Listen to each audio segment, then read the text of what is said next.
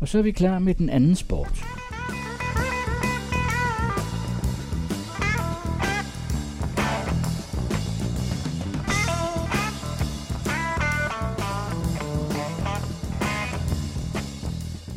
Velkommen til den anden sport på den anden radio. Mit navn er Søren Riskær. Mit navn er Lars Andersen.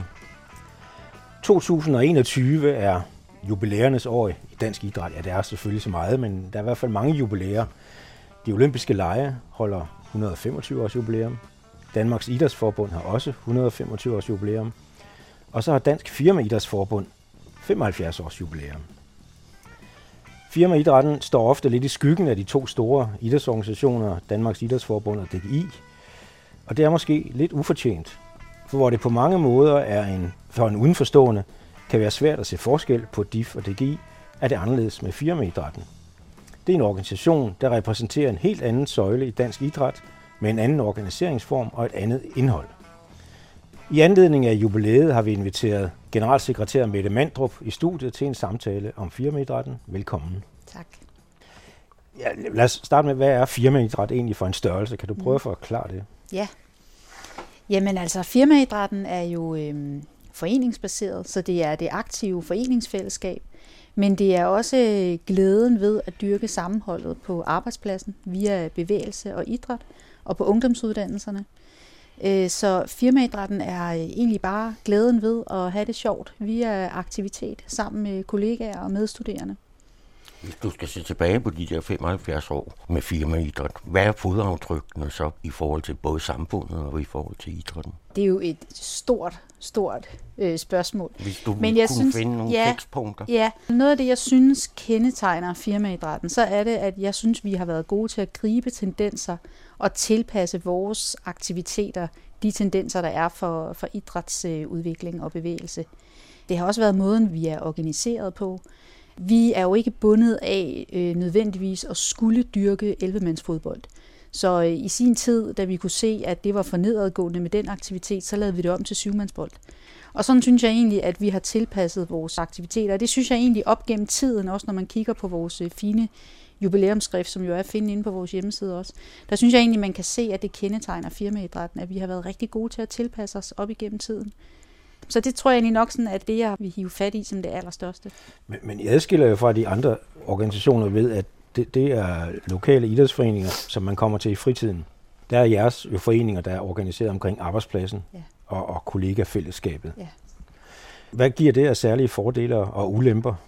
Ja, både og. Dels kan man jo være en idrætsforening på en arbejdsplads, som også har aktiviteter i vores øh, foreningsfællesskaber. Men vi har jo også foreningsfællesskaber, som virker efter fritiden, som i virkeligheden, hvor man kan møde arbejdspladser bredere set øh, lokalt. Så det er egentlig begge organiseringsformer, vi, øh, vi fagner. Fordelen ved at være foreningsbaseret er jo, at vi har mulighed for at skabe de her aktive lokale fællesskaber.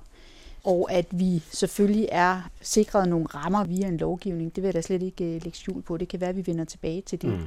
Altså udfordringen er, at fordi vores arbejdsliv har ændret sig, så øh, bor man ikke nødvendigvis øh, det samme sted, hvor man arbejder. Nej. Og det giver nogle udfordringer for vores foreninger lige nu, fordi man ikke bliver på samme lokalitet og dyrker sin, øh, sin fritidsinteresse. Man, man kunne sige, det, kunne det ikke være arbejdsgiverens opgave at tilrettelægge øh, motion for, for sine medarbejdere? Skal der en særlig forening til for at kunne finde ud af det? Overhovedet ikke. Altså det behøver man jo ikke. Nej. Og vi ser jo også flere steder, at øh, arbejdsgiveren stiller arbejdstid til rådighed, og så øh, dyrker man idræt øh, i, i den tid øh, med de øh, kollegaer, der er.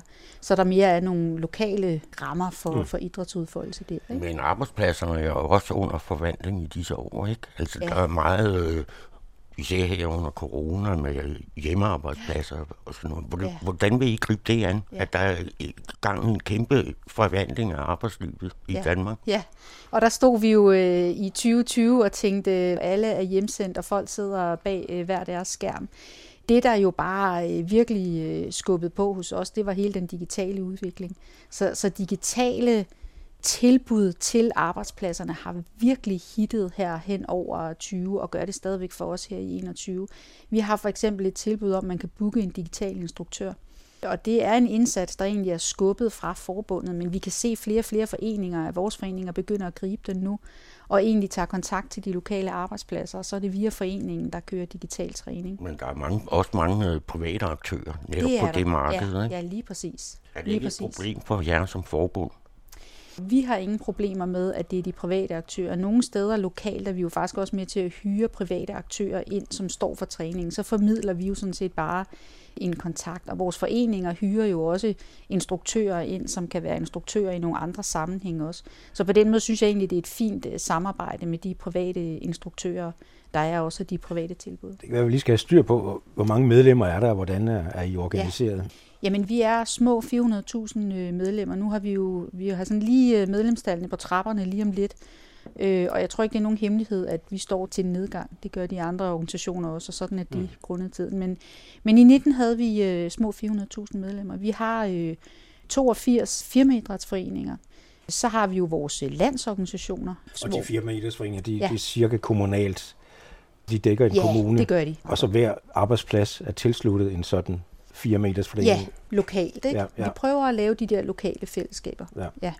Så har vi nogle landsorganisationer, altså vi har øh, politiets øh, idrætsforening, vi har hospitalsvæsenets idrætsforening, SKATS, altså så nogle store, øh, store virksomheder, virksomheder som, som egentlig har nogle landsforeninger. Ikke? Dem har vi også øh, tilknyttet os. Og så har vi nogle associerede øh, mindre øh, foreninger. Men man kunne så også spørge, hvorfor skal der en selvstændig organisation som Dansk Firmaidrætsforbund til? Kunne det ikke bare organiseres som et specialforbund i DIF eller landsdelsforeningerne i, i DGI, tog sig af det?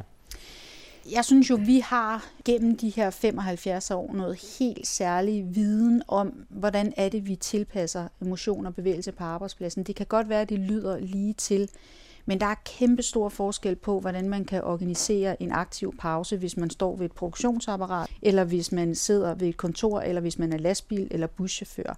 Og det er ikke bare lige til, og derfor synes jeg, at det er helt berettiget, at vi er vores eget forbund. Vi har en special viden og nogle specielle kompetencer, og vores foreninger er gearet til at inkorporere øh, arbejdspladsernes behov i, i deres aktivitetsplanlægning. Kunne det ikke foregå i, i et fælles forbund? Altså jeg, jeg, den der diskussion, øh, og hele den der diskussion med størrelsesforholdet mellem de forskellige idrætsorganisationer, altså den bruger jeg faktisk ikke særlig meget energi på, og vi har egentlig kigget hinanden i øjnene og sagt, at vi skal være gode til det, vi er gode til, fordi vi har vores berettigelse. Det synes jeg jo også de sidste 75 år øh, viser. Så, så jeg, jeg bruger sådan set ikke så meget krudt på det, og man kan vel også sige, at hvis man bare bliver optaget i noget andet, så er der jo også far for, at fokus forsvinder. Øh, så jeg synes det der med, at, at vi er et forbund, der har fokus på idræt og bevægelse på arbejdspladsen og ungdomsuddannelserne, forankret i vores øh, lokale fællesskaber via vores foreninger, øh, det har sin helt egen særlige berettigelse. Men det har jeg så også givet adgang til udlåningsloven, som er, er den lov, der regulerer fordelingen af, af, af lottomidlerne til idrætsorganisationerne og til mange andre formål. Den står over for en, måske en revision. Nu skal den så først øh, evalueres. Men hvad er jeres indgang til en eventuel revision af, af loven? Jamen, øh, den ser vi da frem til. Vi ved jo ikke endnu, hvad er det kommissoriet for evalueringen øh, skal arbejde med. Det kender vi ikke endnu. Og den skal revideres, og sådan er det jo bare. Øh, men jeg vil sige, at det specielt i den tid, vi står i nu, øh, så håber jeg ikke, at man øh, rykker væsentligt. Jeg tror mere end, end nogensinde før er der behov for, at man har nogle faste strukturer, der sørger for at få Danmark øh, i gang igen. Vi har nogle kæmpe sundhedsmæssige udfordringer, øh, som følger hele den her nedlukning, og det vil give en kæmpe uro og ustabilitet at begynde at røre øh, for meget ved det. Men vi er da spændte, det er vi da. Men man kan sige, i har jo en privilegeret stilling. Ja. Altså, I er garanteret i al fremtid, indtil loven revideres ja. i hvert fald, ja. en, en fast indtægt, og er garanteret, at den stiger. Ja. Der er vist ikke ret mange andre modtagere af, af offentlige midler, der, der har en sådan garanti. Er det en, en, en rimelig garanti, synes du? Ja, det er fuldstændig rigtigt. Vi er meget privilegerede, og vi er super taknemmelige for at, at få det her tilskud. Øhm, jeg synes også, vi gør os umage, både øh, vi fra, fra forbundet og vores foreninger, alle de frivillige kræfter, der er bundet op øh, hos os, gør sig virkelig umage for at skabe værdi for de midler, vi får. Det skal ikke være nogen hemmelighed, vi får øh, øh cirka 42 millioner. Øh, og jeg synes virkelig, vi får meget ud af de 42 millioner rigtig mange af de penge går jo øh, direkte videre til vores foreninger. Vi udbetaler jo tilskud til vores foreninger. Mm. De betaler ikke noget medlemskab for at være medlem af Dansk Firmaidrætsforbund. De får tilskud og kan søge midler til deres aktiviteter hos os. Så jeg synes egentlig, at pengene er givet rigtig, rigtig godt ud. Men det er også lidt omvendt. Altså normalt skal man betale kontingent for at være medlem af en forening. Ja. Her, her får man penge for at være medlem. Ja, ja præcis. Ja. Og det er jo også fordi, at vores foreninger får jo for eksempel ikke medlemstilskud af kommunerne via Nej. Folkeoplysningsloven. Nej. Så derfor øh, udbetaler vi et medlemstilskud til dem, og så kan de søge en masse aktivitetstilskud øh, hos os også. Ikke? Men man kan også spørge, hvorfor er idrætsorganisationerne ikke på finansloven i stedet for at have den, den her særlige udlåningslov? Så, så er man op til en politisk vurdering hvert år, kan man sige, ligesom alle andre modtagere af, af statslige midler. Var det en idé, som I kunne være med til at diskutere? Ja, men det synes jeg da er klart. Altså det tænker jeg, det må være en politisk øh, prioritering, hvor midlerne skal, skal komme fra. Mm. Men, men vi indgår altid gerne i, i drøftelser ja, øh, om men, det. Men I har vel som organisation en eller anden form for vision om, hvad det er, I gerne vil med de her udlåningsmidler? Ikke? Ja, uha da. Det har vi. Mener, om der skal være flere eller færre, eller hvordan de skal fordeles osv. videre. Der må gå I vel ind som forbund og sige, at vi ønsker det sådan her. Jamen, vi har allerede meldt ud, at vi er meget glade for størrelsen på det tilskud, øh, vi får. Og vi forsøger at skabe så meget værdi for dem som overhovedet muligt. Og helt ærligt, så er vores standpunkt, at vi synes ikke, at man skal røre væsentligt ved den måde, de er fordelt på, sådan som situationen er lige nu.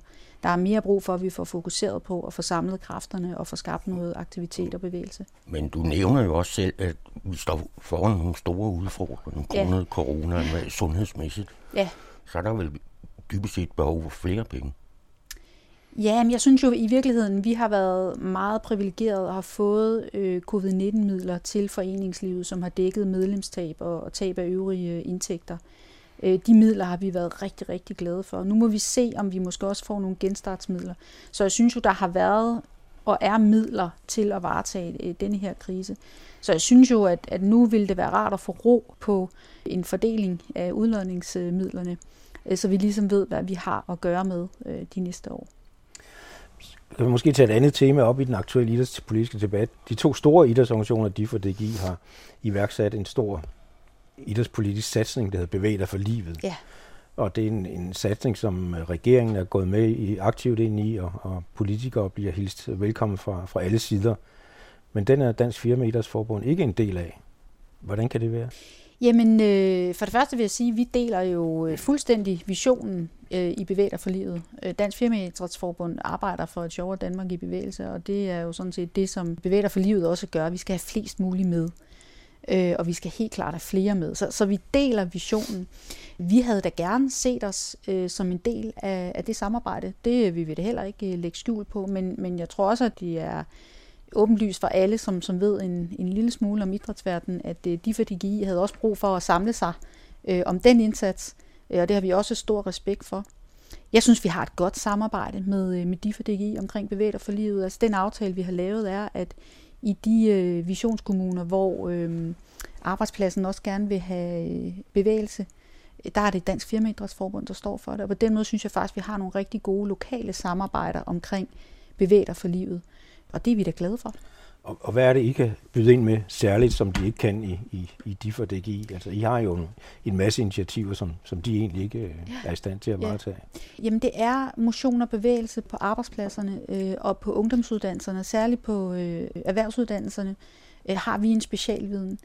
Og igen det her med arbejdspladserne, altså der er jo stor forskel på, om man arbejder treholdsskifte i en hjemmepleje, eller man arbejder øh, som sagsbehandler på et kontor. Altså vi ved noget om at tilpasse aktivitet og tid og årsjul, og hvordan det kommer til at virke. Og vi ved noget om at ændre en kultur på en arbejdsplads til også, at det bliver en aktiv, et aktivt fællesskab. Og det er en niche, vi kan. Så det bidrager vi helt klart med. Og I har også en række særlige events, som, som man ikke har ja. i, i, i de øvrige organisationer. Ja, ja, det har vi. Kunne du fortælle lidt om nogle af dem? Ja, det kan jeg. Jamen altså, igen, i forhold til det her med at gribe øh, tendenser, så greb vi jo for nogle år siden øh, nogle af de her øh, ekstremløb, som blev meget populære, og lavede dem i en mere folkelig del, kan man sige. Vi har Ladies Mud Race, som er blevet en kæmpe succes, altså sådan et ekstrem øh, løb for kvinder i, i alle aldre, ja. øh, hvor de løber i mudder over forhindringer og sådan noget. Det er altså en stor succes, og, øh, og lige inden Danmark lukkede ned sidste år, der kørte vi Dark Edition, og det vil jo altså sige en, en, en mørk version i natten, ikke? Med, med pandelygter okay. og alt muligt. Og, og, og mandepangdangen har vi også øh, ekstrem mandehør.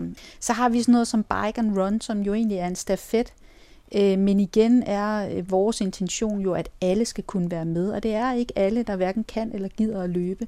Så i vores bike and run stafet, der kan man også være på cykel, så man kan være et hold, hvor der for eksempel er to, der løber og tre, der cykler. I siger, I er gode til at gribe tendenserne. Ja. Alle det her mudderløb og mm. hvad der ellers er spændende ting. Hvor ser du tendenserne i idrætsverdenen gå hen nu? Altså lige nu, vil jeg sige, der er paddle jo hot. Altså en fjerdedel af vores foreninger, de enten er i gang eller er ved at komme i gang med, med paddle. Enten ved at, øh, at investere i egne anlæg eller gå sammen lokalt med nogle andre parter. Og, og, og det er virkelig blevet en bølge inden for firmaidrætten. Øh, sidste år øh, under vores øh, arbejdspladsernes motionsdag, som er en af vores helt store signaturprojekter i uge 41, der var paddle også et, øh, et tema, og det tiltrækker, altså de fleste mennesker kan spille paddle, fordi det er ret nemt at, at være med på, og det er også derfor, det er blevet så populært. Det kan være, at vi lige skal forklare, hvad paddle er. Det er ikke sikkert, at alle vores lytter ved, hvad det er. Nej, jeg tror, selvom jeg ved, at hverken tennisforbund eller badmintonforbund vil Nej. være glad for det her, men det er sådan en fin uh, mellemting mellem øh, badminton og tennis. Jeg har selv spillet rigtig meget øh, badminton, øh, og synes godt, tennis kan være lidt, lidt tungt, men altså øh, paddle er bare et mindre, hvad kan man sige, bat end, øh, en tennis, eller en mindre catcher, og, og bolden er lettere, og, øh, og man skal bare skyde derud af og løbe rundt på den bane der, så, så det er, og, og der alle kan være med, og der er vægge omkring, og man må spille væggene, det er lige så lidt ligesom i bandefodbold, at ja, man må ja. gerne spille med bander, ja. og det er jo det, der gør, at bolden hele tiden er i, i bevægelse, så det er bare at være aktiv og skyde til bolden. Og der er I ikke hæmmet af, at der skal være et specialforbund eller nogle særlige internationale regler og turneringer? Nej, nej. nej, det er vi nemlig ikke. Og igen er det også et godt samarbejde med nogle øh, kommercielle parter, som måske har en øh, halv bygning stående, som de ikke bruger til noget, og så kan vi komme og fylde noget aktivitet ind i det og være med til at etablere en bane for eksempel. Ikke? Så... Ser du andre tendenser, hvis du ligesom skulle kigge lidt fremad? Ja, Altså, jeg er jo meget nysgerrig på hele det her øh, selvorganiserede øh, område. Jeg ved, I også har haft en snak med, med Henrik Brandt her, ikke? der ligger et, et rigtig godt program og interview med ham også. Øh, og nogle af de tanker, han har øh, omkring øh, det her med, at folk mødes. Altså, vi har for eksempel øh, et super godt samarbejde med nogle gågrupper og det er jo ikke nødvendigvis øh, grupper, der er organiseret i en folkeoplysende forening, men de er jo simpelthen bare drevet af øh, en aktivitet. Vi har et rigtig godt eksempel nede fra Køge, hvor der var nogle øh, damer, som egentlig havde meldt sig ind i en cykelklub, men altså tempoet var for højt, og det blev på en eller anden mm. måde for ambitiøst i forhold mm. til det, de havde lyst til. Så de blev enige med sig selv om, at prøv at høre, vi mødes bare hver onsdag, og så cykler vi øh, for os selv. Og så øh, siger vores lokale forening, I må gerne have startbase her hos os, og I kan hente vand i hanerne, og I kan tage et bad, og I kan pumpe jeres cykel. Og, og lige pludselig så får de jo en, en, en forankring øh, i vores forening. Og de der tendenser og det samarbejde med et fællesskab, der er opstået omkring et sted eller en aktivitet, det kunne jeg godt være rigtig nysgerrig på, hvordan vi også kan blive bedre til at samarbejde med de grupper. Fordi vores ærne er, at flest muligt skal med, og vi skal også nå nogle af dem, som ikke har et stærkt idræts-DNA. Ja, eller ikke har en specielt stor tilknytning til arbejdsmarkedet. Ja, ja, ja det er ja. det næste, jeg vil godt ja, vil spørge ja. om, ikke? fordi nu er jo deres udgangspunkt er arbejdspladserne. Ja. Men hvad med alle dem, der ikke har en arbejdsplads? Ja. Og det er måske der, at, at der er mest behov for at få flere i gang med, med at dyrke idræt. Præcis. Vi taler rigtig meget om at kunne øh, rumme og gribe livsfaser. Og livsfaser kan jo være rigtig mange ting. Det kan også være, når man øh, skal i gang på et arbejdsmarked. Altså man er helt ny, og man skal på en eller anden måde inkorporeres i et, i et arbejdsmarked, eller man skal forberedes til et arbejdsmarked. Det kan også være mellem job, altså hvordan øh, holder man stadigvæk sig selv øh, i gang. Øh, det kan også være, når man er færdig med sit arbejdsliv, eller når man ryger uden for arbejdsmarkedet af en eller anden årsag. Og det er jo vigtigt at sige, at i vores foreninger, der kan man jo være med, uanset om man har et arbejde eller ej. Altså man kan sagtens være en del af vores foreningsfællesskab, selvom man ikke er på en arbejdsplads. Øh, så hvis man er, har været en del af et foreningsfællesskab og afslutter sit arbejdsliv, så er der rigtig mange af vores foreninger, der begynder at gribe de her øh, senioridrætter øh, og seniorforeningsfællesskaber. Det ser vi i højere og højere grad, at det skal vi også kunne rumme. Så det er fuldstændig rigtigt, at det der med at være i nogle livsfaser, at, at det skal vi også kunne gribe. Er det noget, vi arbejder meget målrettet med? Ej, meget målrettet er måske lige at, at stramme den, men, men, men vi er meget optaget af det her livsfasebegreb og prøver meget at motivere vores foreninger til også at, at tænke og række ud. Vi har et rigtig godt samarbejde med, øhm, øh, med Landsforeningen for Væresteder, øh, hvor de jo også bruger idræt til at få folk tilbage til livet øh, og tilbage til et fællesskab. Og dem øh, er der flere af vores foreninger, der har et, et, et rigtig godt fællesskab at samarbejde med. For typisk, nu nævner du de der kvinder i Køge, de er selvorganiserede idrætsgrupper, det er typisk de stærke mennesker, ja, som er vant til at være aktive ja. og være ude i livet. Man mangler jo ligesom den sidste gruppe her. Ja, det er rigtigt. Altså, vi er jo meget optaget af mænd, faktisk, og øh, det har vi jo været i nogle år med hele det her rigtige mænd-bølgen. Men ikke kun øh, de mænd, der arbejder i håndværkerfag, øh, som er blevet for overvægtige, men faktisk også de mænd, som meget er overladt til sig selv og ensomme. Dem vil vi rigtig gerne gøre noget for. Vi har nogle erfaringer på baggrund af de mandeprojekter, vi har kørt. Flere af vores foreninger er fortsat de mandeprojekter, så, så det er helt klart noget af det, som vi prøver at, at tale med fondene om lige nu. Kan du prøve at forklare, hvad de her mandeprojekter går ud på? Ja, altså det første rigtige mændprojekt, vi lavede, det var meget sådan myntet også på øh, kost og altså den rigtige livsstil. Og, altså, det gjorde vi jo efter bedste evne. Det vi bare lærte af det projekt var, at mændene i virkeligheden mere bliver tændte af det fællesskab, de kan have med hinanden. Øh, og den, den, kan man sige, sociale kontakt, de har med hinanden. Og så kommer kosten måske i virkeligheden i baggrunden, fordi det er noget andet, vi skal have dem til at koble sig på. Det vi også kan se er, at de er enormt svære at få ind i et foreningsfællesskab. Mm. Altså det der med at gå til noget, og skal jeg så udstille mig, eller så det handler rigtig meget om at få skabt en øh, tryg atmosfære, hvor vi også godt kan grine lidt øh, af hinanden, og det er okay. Og så skal det ikke være for svært øh, til at starte med. Men samtidig skal det også være et forløb. Altså det der med, at det bare sådan er endeløst på en eller anden måde, det har vi også fundet, at det motiverer dem faktisk ikke så meget. Det er bedre ligesom at sige, prøv at høre, nu sætter vi gas på i 16 uger, så skal vi bare sørge for, at efter de 16 uger, der sker der noget andet, som mm. de kan koble sig naturligt på. Men er det så eksisterende foreninger, eller er det nye foreninger, man skal lave for den målgruppe, eller hvordan motiverer I foreningerne til at prøve at være opmærksom på dem? Det er eksisterende foreninger, men det, det er særlige hold, okay. øh, man opretter for, for ja. denne her øh, gruppe. Ikke? Ja. ja. Er store mænd. Ja, eller mindre mænd, som også trænger til at bevæge sig. Ja, okay. Nu, arbejdsmarkedet er jo vældig under forandring i øjeblikket. Øh, alene coronakrisen her vil formentlig betyde, at flere og flere kommer til at arbejde hjemme, ja. og derfor ikke får det fællesskab på arbejdspladsen. Samtidig får vi et stigende andel, som er freelancer under en eller anden form, og som ikke er fast tilknyttet i en arbejdsplads.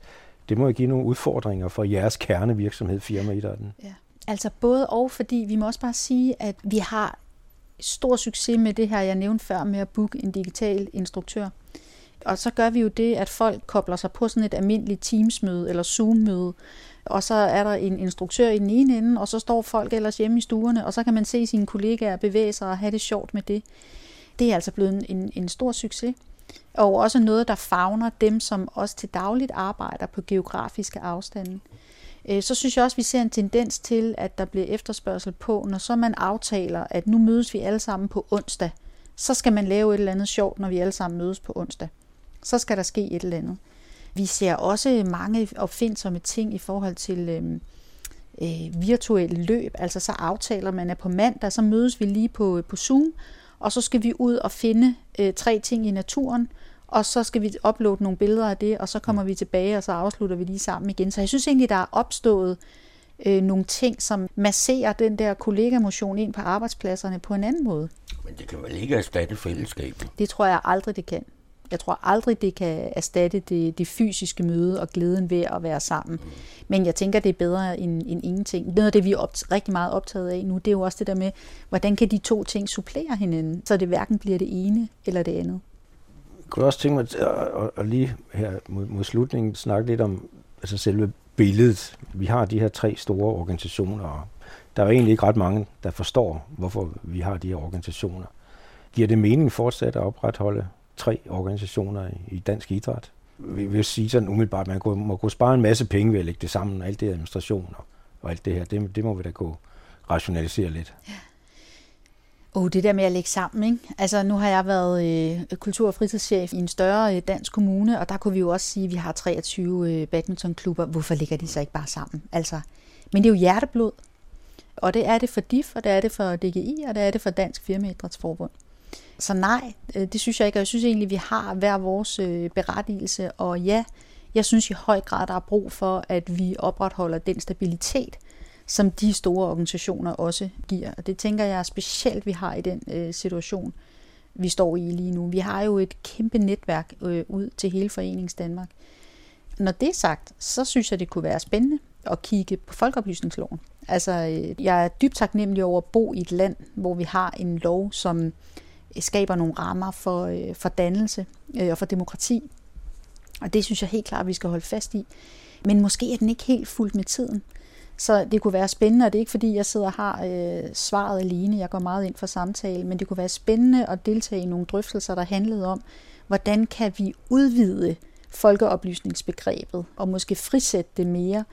Øh, fordi hvorfor er det, at nogle af de der spændende, selvorganiserede grupper ikke organiserer sig som en forening? Mm. Er, det, er det blevet for besværligt? Er, det, er der et eller andet, der, hvor de føler, de bliver hæmmet? Det synes jeg kunne være enormt interessant at udforske. Men der er jo nogle muligheder i folkeoplysningsloven for også at støtte de her lidt mere selvorganiserede. Ja, ja. Og man kan også spørge, har de overhovedet behov for kommunal støtte? Nej, det ser ikke sådan ud. Altså, øh, de, de ser ud som om, de klarer sig ja. fint på, på de vilkår, øh, de gør. Og det tænker jeg da også, at vi andre kunne lære noget af. Mm, så, ja. så jeg synes, den der udveksling af, af viden, men jeg tror ikke på det ene på bekostning af det andet. Men, men det store issue i, i forhold til folkeoplysningsloven for firmaidrætten har jo ellers været det her med 25-års-reglen. Ja. Og at, at kommunerne jo kun er forpligtet til at støtte leje af lokaler til, til unge under ja. 25 år. Og der er I jo kommet lidt i klemme, fordi ja. hovedparten af jeres medlemmer er over 25 præcis, år. Ja. Præcis, og det synes jeg er rigtig ærgerligt. Jeg plejer at sige, at de voksne, som vi har noget med at gøre, de er også nogens mor og far. De er også rollemodeller. Øh, så jeg synes, det er rigtig ærgerligt, at vi ikke støtter voksenidrætten mere. Det gør vi jo så som forbund. Vi støtter vores foreninger, vi udbetaler medlemstilskud til dem, øh, som de ikke får øh, i kommunerne. Men og flere og flere kommuner, vil jeg også bare sige, er begyndt at se bort fra den der 25-års regel. Men jeg kunne godt tænke mig et større fokus på voksenidræt, fordi de også er rollemodeller. Og fordi de trænger til det. Det kan vi bare se i forhold til det pres, der er på folkesundheden. Ja. Det vil sige, du går ind for større fokus på voksenidrætten og selvorganisering, eller hvad? Ikke større fokus end på børn og unge. Jeg synes ikke, det er et enten eller. Altså, jeg synes, det er et både og. Jeg er optaget af at få flere med i det, øh, det aktive liv. Og med det tror jeg, vi siger tak til Mette Mandrup. Vi lægger et link op til firmaidrætten på vores site, og så går Lars og jeg i ringhjørnet.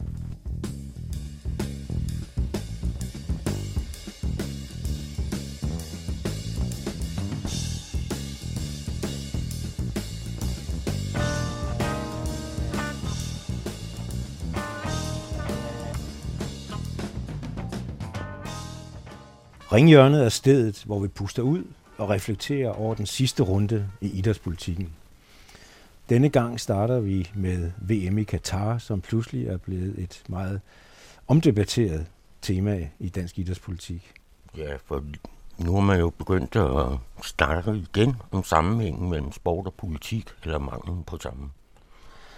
Ja, og det interessante er, at øh, den her gang er det måske en, en, en debat, der er opstået blandt fodboldfans, øh, som ellers normalt ikke involverer sig eller engagerer sig i, i politiske spørgsmål, men der har meget bredt øh, rejst sig en debat om Danmark overhovedet skal deltage i VM i Katar, selvom man altså er fanatisk fodboldtilhænger. Og der er stillet øh, borgerforslag om, at Danmark skal trække sig, og det har i talende stund fået 7.319 støtter på hjemmesiden. Og Amnesty International har startet en underskriftindsamling. Ja. Men der, der blæs i fløjten. Men der er dog et samarbejde mellem DBU og Amnesty. Ja, så er det spørgsmålet, hvordan man skal forholde sig til det. Ja, hvordan forholder du dig, Lars? Jeg har det jo nok sådan, at øh, et eller andet sted har idrætten også et ansvar for menneskerettigheder og for politiske systemer. Og vi kunne se her for nylig med Hvide Rusland og Lukashenko, at øh, man flyttede VM i ishockey på grund af de forhold, der er i Hvide Rusland. Et eller andet sted skal man trække en streg i sandet, og i Katar laver migrantarbejdere under så forfærdelige forhold, at det VM aldrig skulle have været dernede. Men hvis jeg så skal påtage mig at være djævelens advokat, så kan jeg rejse spørgsmål, øh, hvorfor skal lige idrætten bruges som boldværk i en, i en politisk sag her? Altså, Katar er et, et land, som Danmark har diplomatiske forbindelser med, handelsforbindelser med, kulturelt samarbejde. Hvorfor er det lige idrætten, der skal holde også, for? Jeg synes også, det er en svær diskussion, fordi Kasper Julemand, den danske landstræner, var også ude at sige, hvorfor er det fodboldspillere, der skal gå forrest? Hvorfor er det ikke tennisspillere eller erhvervslivet osv. så videre, så videre. Jeg synes, belært af nogle af de historiske erfaringer, jeg tror, at alle i dag ville være enige om, at OL i 36 aldrig skulle være blevet holdt i Nazi-Tyskland, og den nazistiske manifestation, der kom der. Så kan man diskutere, hvor er Katar henne i den sammenhæng, og, og, og hvor går stregen? Er det OK, at der er OL i Kina? Er det OK, der er VM i Rusland? Og er det OK, der er VM i Katar? Men man kan ikke fraskrive sig, at de internationale specialforbund, som FIFA er verdens mægtigste specialforbund, har et medansvar for de forhold, der er i Katar, når man vælger at lægge en mægtig idrætsbegivenhed lige netop der, hvor der i øvrigt heller ikke er nogen fodboldmæssige argumenter for at lægge det. Nej, det er jo helt hen i vejret at have lagt et, et, et, et sådan mesterskab der, hvor det, man slet ikke har nogen fodboldturnering.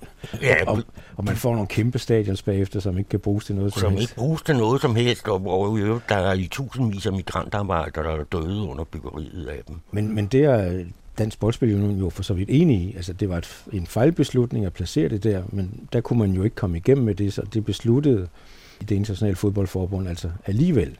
Så, og, og hvad skal man så gøre i den situation? Altså. Jamen, man kan sige, hvem skal tage ansvaret? Ja. Det er først og fremmest DBU og FIFA, og så er det politikere. Altså for eksempel i Norge er der begyndt at komme en kæmpe bevægelse blandt fodboldklubber, hvor de siger, vi deltager ikke. Ja. Nu ved man jo ikke, om nogen nogensinde kvalificerer sig. Nej. Det er så en anden sag, så ja. er det også let at sige, at man ikke deltager. Men øh, altså, jeg synes, de fleste må have en dobbelt smag i munden. Men vil det hjælpe noget, at Danmark boykottede? Altså, det vil de fleste, der vil der bare komme et andet land med i stedet for, og de vil grine lidt af et lille land, der er så heldige, at de ikke vil, vil deltage i noget, som alle vi andre gerne vil deltage i. Det er jo en markering.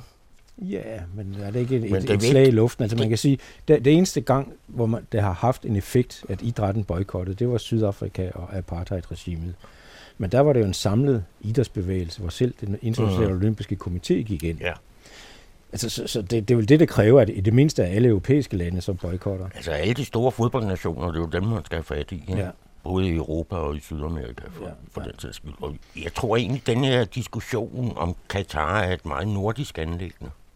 Altså det er Danmark, Sverige og Norge man, og Finland, med, hvor man diskuterer det her. Ja. Jeg tror ikke, den diskussion er særlig stor i Tyskland eller i England og slet ikke i Brasilien eller Argentina. Nej, slet ikke. Det er Så opfordringen må jo være, at DBU kommer meget mere aktivt ind i et samarbejde med store fodboldnationer og lægger et pres på FIFA. Men et af argumenterne er jo også, at ved at deltage, så kan man gå ind i en kritisk dialog med styret dernede, og man kan være med til at markere en modstand mod, mod, mod de forhold, der er. Jamen, den diskussion har den argumentation har man jo haft i mange, mange år. Hvad er der ændret i Putins Rusland? Ja, og så det endelig det argument der. Eller i Kina for den sags Jamen, hvor, hvor er grænsen til sidst? Ja. Så er der måske slet ikke nogen steder, man kan holde øh, internationale øh, idrætsstævner. Altså kan man så i Ungarn, hvor ytringsfriheden er under pres, kan man i øh, Ukraine, mm-hmm. kan man i, i Indien, hvor der er et, et kvindesyn, som er problematisk. Altså, man kan rejse en masse spørgsmål. Så. Det bliver i hvert fald meget problematisk, ikke? Ja. Fordi så er der stort set kun Vesterbro tilbage. Ja, og de har ikke råd til det.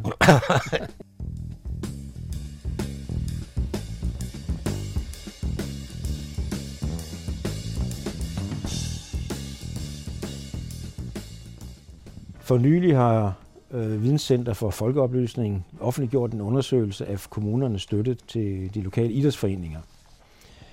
Øh, og den rejser et par interessante konklusioner. Det er jo sådan, at langt den største del af den offentlige støtte til idrætten, det foregår på kommunalt niveau.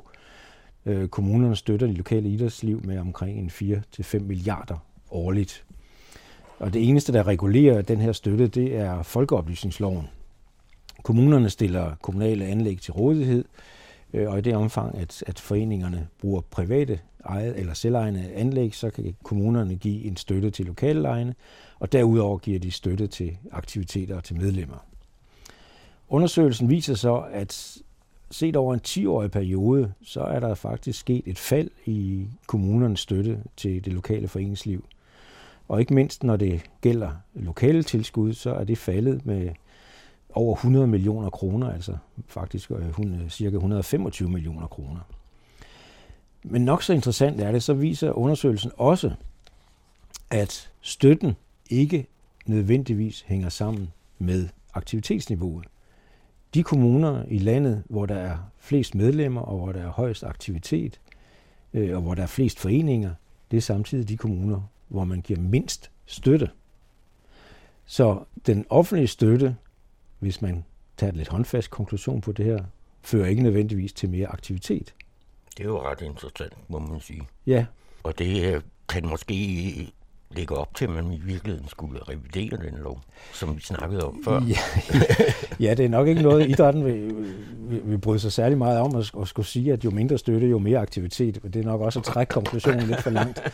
Øh, men det er i hvert fald sådan, at det er især i de mindre kommuner og yderkommunerne, at der er et højt aktivitetsniveau, og det er der, at, at den kommunale støtte også er mindst.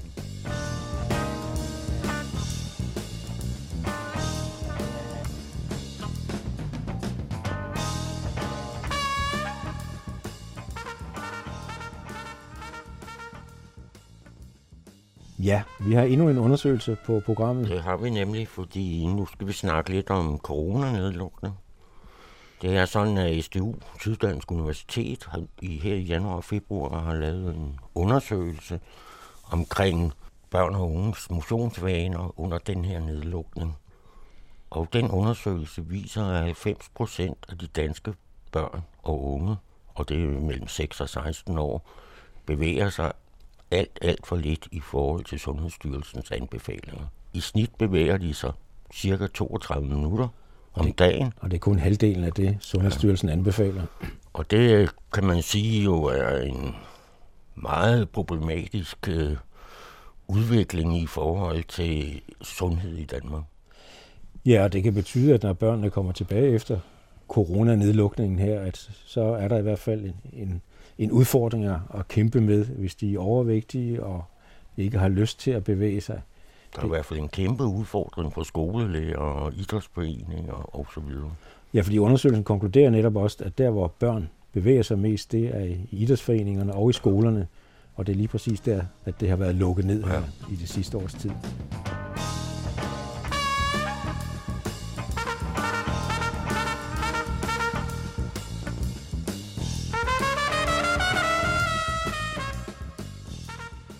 Det sidste, vi vil tage op øh, i dagens podcast, det er, hvad vi kalder de tre direktører.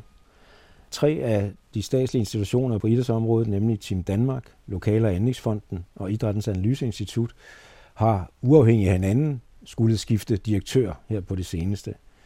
Så vidt jeg husker, er ansøgningsfristen udløbet, så hvis der er nogen af vores lyttere, der vil have søgt det, så er det nok for sent. Men det har i hvert fald været interessant, at der på én gang har været tre stillinger ledige. Især den ene, og måske den, den største, direktøren for Team Danmark, har givet anledning til hævede øjenbryn rundt omkring i idrætsmiljøet, fordi stillingsopslaget er noget anderledes end det, de fleste måske havde forventet sig, og ikke mindst det, der sådan ligger i Team Danmarks øh, grundopgaver. Det, man efterlyser, det er nemlig en direktør, som især har kompetencer inden for det kommercielle område og, og forretningskompetencer. Og det er jo ikke noget, man umiddelbart vil forbinde med øh, en direktør for en eliteidrætsinstitution. En institution, som er baseret på en lov, hvor i det er indskrevet, at eliteidrætten skal udvikles på en øh, samfundsmæssig forsvarlig måde. Og særligt grotesk bliver det jo måske, fordi at øh, Team Danmark i sin tid blev oprettet, blandt andet med det argument, at institutionen skulle beskytte de aktive eliteidrætsudøvere mod kommersiel udnyttelse. Og nu lægger man så op til en særlig forstærket kommersiel indsats i Team Danmark. Man kan spørge, hvem har skrevet det stillingsopslag? Ja, det kunne man nemlig spørge om. Det er i hvert fald bestyrelsens formand, Lars Krab, der er ansvarshavende for, for stillingsopslaget. Men så snakker vi jo en helt ny eliteidrætslov. Ja, men han er dog forpligtet af den eksisterende lov, så det er en interessant diskussion, om han går ud over lovens rammer. Ja. Vi siger tak for i dag.